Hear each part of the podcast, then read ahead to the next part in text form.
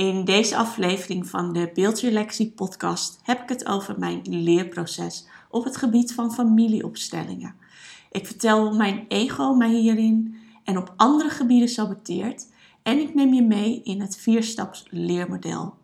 Waarmee ik hoop dat je net even wat milder naar jezelf bent als je net als ik bezig bent met wat nieuws leren. Luister je weer gezellig mee? De Build Your Legacy podcast is voor de hardgedreven female leader die klaar is om haar eigen stem te volgen en een nieuwe versie van zichzelf te unlocken. Zodat ze next level kan groeien in haar business en privéleven en de impact maakt waar ze naar verlangt. Ik heb het over zelfleiderschap pakken in je leven, praktische tips om te groeien in je business, maar praat ook over persoonlijke ontwikkeling, mindset en deel persoonlijke ervaringen. Geregeld nodig ik andere female leaders uit om hun verhaal te delen en jou te inspireren om nog meer legacy te leven. Mijn naam is Namfon en ik begeleid jou in het transformatieproces naar de Dear New versie die nodig is voor het next level dat jij voor je ziet. Met mijn kennis van NLP, transformatief en systemisch coachen, plus meer dan 12 jaar marketingervaring, ben ik jouw persoonlijke cheerleader om je goud te ontdekken en dit uit te bouwen in de legacy die jij wilt achterlaten.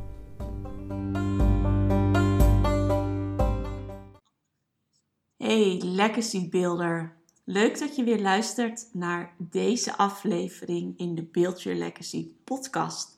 Aflevering 7 is het alweer.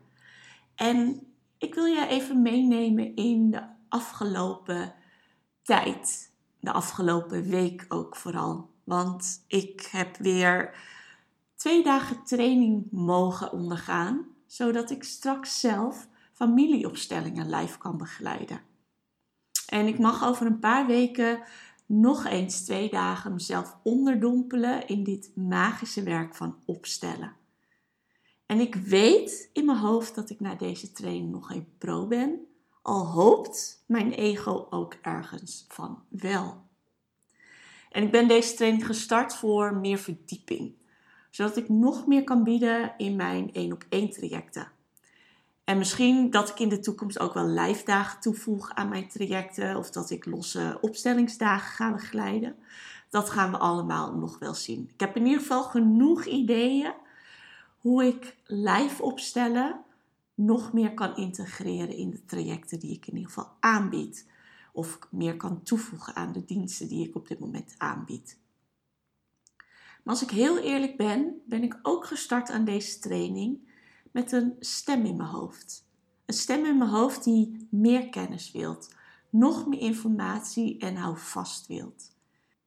En eigenlijk hoopt dat ik daarmee nog meer vertrouwen krijg. En dat ik hiermee nog meer zelfverzekerdheid voel. Zodat ik erna echt ga doen. Want dat gebeurt nog wel eens bij mij. Ben ik alleen maar aan het lezen, aan het lezen, aan het lezen.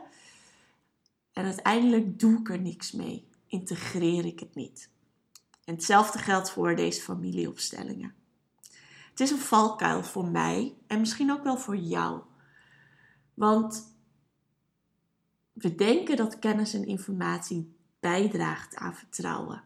Maar als je die kennis en die informatie niet integreert, als het jezelf niet eigen maakt, wat heb je daar dan aan? Hè? Dus je kunt nog wel zoveel lezen, allemaal cursussen volgen en heel veel kennis hebben in je toolbox. Maar wat heb je eraan als je het nooit gebruikt? En helemaal met opstellingen is het heel belangrijk dat je het in je lijf, dat je het in je ziel en in je vezels kunt voelen. Je moet het kunnen proeven. En dat vergt gewoon heel veel werk. Heel veel doen. Het is een intuïtief ambacht die, je, die ik mijn eigen mag maken. En dat lukt alleen maar door te doen. Heel veel te doen. En het ego, wat ik heb, wat jij hebt, dat wil niet falen. En wil het liefst controle op het proces. En als het even kan, ook op de uitkomst. En het gebeurt mij nog geregeld dat ik stagneer. En niet altijd de stappen zet die nodig zijn, omdat mijn ego ertussen zit. En wat er bij mij dan gebeurt, is dat ik dan te lang nadenk en in mijn hoofd blijf zitten. Totdat er echt geen tijd meer is en ik echt moet creëren omdat er een deadline is. Onder die druk, en onder die druk presteer ik en lever ik input. Hele goede input. Want de reacties uit de eerste Reconnect Your Legacy Challenge die ik hostte, die waren positief. De input die ik leverde, die ik heb geleverd, die was heel waardevol. En ik kreeg terug dat het zelfs wel te veel was. Misschien wel te veel is om in een gratis dienst te stoppen. En de les die ik hier uittrek voor mezelf en ook mee wil geven aan jou, is dat je niet zo lang hoeft na te denken en dat je echt mag gaan doen. Stop thinking, start doing. Want in het doen zit je ontwikkeling. En ik weet dat. Maar toch val ik nog wel eens in deze valkuil. In het doen zit je groei. En in het doen ontdek je ook wat je wel en niet leuk vindt, wat je wel en niet goed kunt. En ik heb perfectionistische kwaliteiten. En ik weet dat wat ik lever, al is het 80%, dat het meer dan 100% waarde heeft. En hoe fijn zou het zijn als de downside van perfectionisme nog minder aanwezig is? En, minder, en het minder aanwezig laat zijn van deze perfectionistische kant van mijzelf, lukt alleen maar door te doen zonder te denken. Messy action, zoals mijn coach ook zei. En mijn energie en mijn joy volgen. En kijk ook even bij jezelf hè, wat er gebeurt op het moment dat jouw ego in de weg zit. Wat doe jij dan? Hoe stagneer jij dan? Waar houd jij jezelf klein? Hoe houd jij jezelf klein? En als je dit dan weet, als je dit dan ook herkent, zie dit dan ook bij jezelf. En spreek je ego-stem ook gewoon even toe. Van ja, ik hoor je, ja, ik zie je. Maar ik weet dat dit de juiste weg is.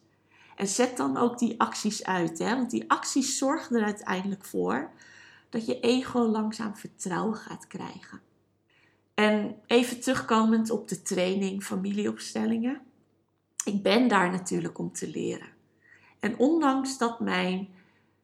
En ondanks dat mijn ego met me aan de haal. Ik zag anderen natuurlijk opstellen en het al zo goed doen dat er een stem in mijn hoofd zat die zei: Nam, hier kan jij nog niet aan tippen. Zij zijn al beter dan jij en veel verder dan jij. En ik wil het zo graag goed doen. Dus ik stelde het uit om daadwerkelijk een opstelling te begeleiden. Want wat als ik niet zo goed zou gaan? Als ik het niet goed zou doen? Wat als ik het niet weet? En ik ken toch al die interventiezinnen nog niet. Allemaal gedachtegangen, allemaal stemmetjes, allemaal e ego-stemmen, die ervoor zorgden dat ik niet ging. Uiteindelijk ging ik wel en benoemde ik wat er speelde in mijn hoofd. En dat ik het zo graag goed wil doen.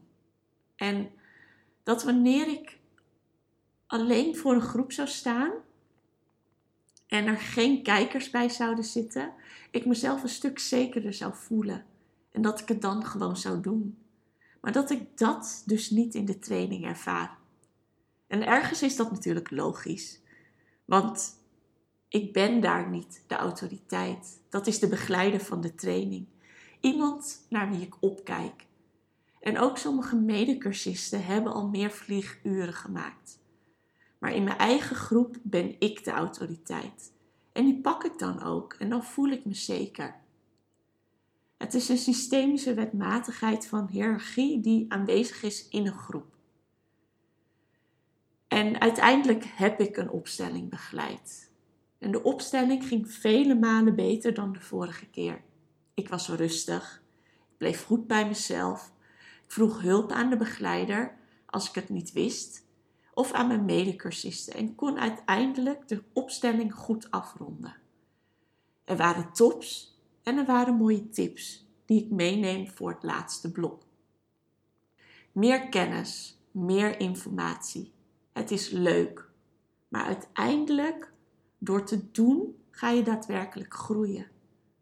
Door te doen, ga je vertrouwen creëren. Het is hetzelfde als met autorijden. Dat kon je ook niet. En dat kon je ook niet in één keer. En net als met alles wat je nieuw leert, ga je door een aantal fases heen. En daarom wil ik je even meenemen in het vierstaps leermodel. Die bestaat dus uit vier fases die je altijd doorloopt als je iets nieuws gaat leren. Fase 1 is de fase die we onbewust bekwaam noemen. En in deze fase heb je geen ervaring. En als we even het voorbeeld autorijden pakken, je hebt geen idee of autorijden moeilijk of makkelijk is op dat moment. Je ziet het anderen wel doen, dus je denkt dat het wel mee zal vallen. Het is in ieder geval iets wat jij ook kan leren. Fase 2 is de fase van bewust onbekwaam. Je bent bezig met lessen en je begint wat ervaring op te doen. En je merkt toch wel dat het, minder makkelijk, of dat het minder makkelijk is dan je echt dacht. Die theorie, alle regels, al die lessen, al die handelingen die je moet doen. En bij alles wat je doet, moet je heel erg nog nadenken. Oh ja, eerst in de spiegel kijken. Eerst binnenspiegel, dan de buitenspiegel. Achterover je schouder kijken en dan bijvoorbeeld invoegen. Of de knipperlicht aandoen en dan bijvoorbeeld invoegen. Allemaal acties die je tegelijkertijd moet doen en waar je dus nog heel bewust over na moet denken. En daardoor voel je jezelf misschien nog echt wel een beginneling. En gaat het dus nog niet zo makkelijk. De volgende fase, fase 3, is bewust bekwaam. Je hebt dus al wat meer ervaring. Je hebt al meerdere lessen gehad, een stuk of 25, ik zeg maar even wat. Ik weet niet meer precies hoeveel er ongeveer voor staat voordat je een examen gaat uh, afleggen. Maar je bent in ieder geval zo ver dat er een goede basis is. Dat er een fundering is gelegd en dat je nou ja, redelijk soepel kan autorijden. Sommige acties gaan misschien zelfs al automatisch, maar het kost je best nog wel wat energie. En over sommige dingen moet je best ook nog wel wat nadenken. En dat is ook helemaal niet erg. Je gaat in ieder geval afrijden. En als het even mee zit, dan slaag je voor je examen en heb je je rijbewijs. En ga je door naar fase 4 onbewust bekwaam. Je hebt dus je rijbewijs gehaald, je gaat geregeld autorijden. En hoe meer je auto rijdt, hoe makkelijker alle handelingen worden. Hoe meer automatisch handelingen ook gaan. En je niet meer nadenkt over de dingen die je hoeft te doen of die je aan het doen bent. Zelfs een radio aanzetten lukt tijdens het rijden, of misschien wat kletsen lukt ook wel tijdens het rijden. En ondertussen let je op de weg, kan je rustig in en uitvoegen en kan je inhalen. De vier fases van een leerproces. We gaan ze allemaal door. En als ik kijk naar waar ik zit met familieopstellingen en het begeleiden van groepen live, dan zit ik nu in fase 2. En ik weet dat ik kan groeien naar fase 3 door nog meer te doen, door heel veel te oefenen. En daarom denk ik er zelf dus ook over na om na de training een kleine groep samen te stellen, zodat ik ook kan oefenen met lijf opstellen. Want door te doen leer ik de zinnen, door te doen kan ik nog meer vertrouwen op mijn eigen lichaam, nog meer vertrouwen op de energie die zich in de groep afspeelt iets nieuws leren. Het vergt inzet en doorzettingsvermogen. En laten we daarom afspreken dat we allemaal wat liever zijn voor onszelf als we met iets nieuws bezig zijn. Zie jezelf als leerling. Moedig jezelf aan zoals je een klein kind ook zou aanmoedigen. Ik weet dat ik er kom en ik weet ook dat jij er komt. Als je maar blijft doorzetten, als je maar blijft doen en als je er maar voor zorgt dat het ego je niet te veel in de weg zit. En dank je wel weer voor het luisteren naar de Build Your Legacy podcast. Wil jij meer weten over familieopstellingen of wat dit kan betekenen in het leven van je legacy? Stuur me dan een DM op Instagram via @namvondeel. Voor nu wens ik je een hele fijne ochtend, middag of avond en hopelijk tot de volgende keer. Dankjewel. Doei.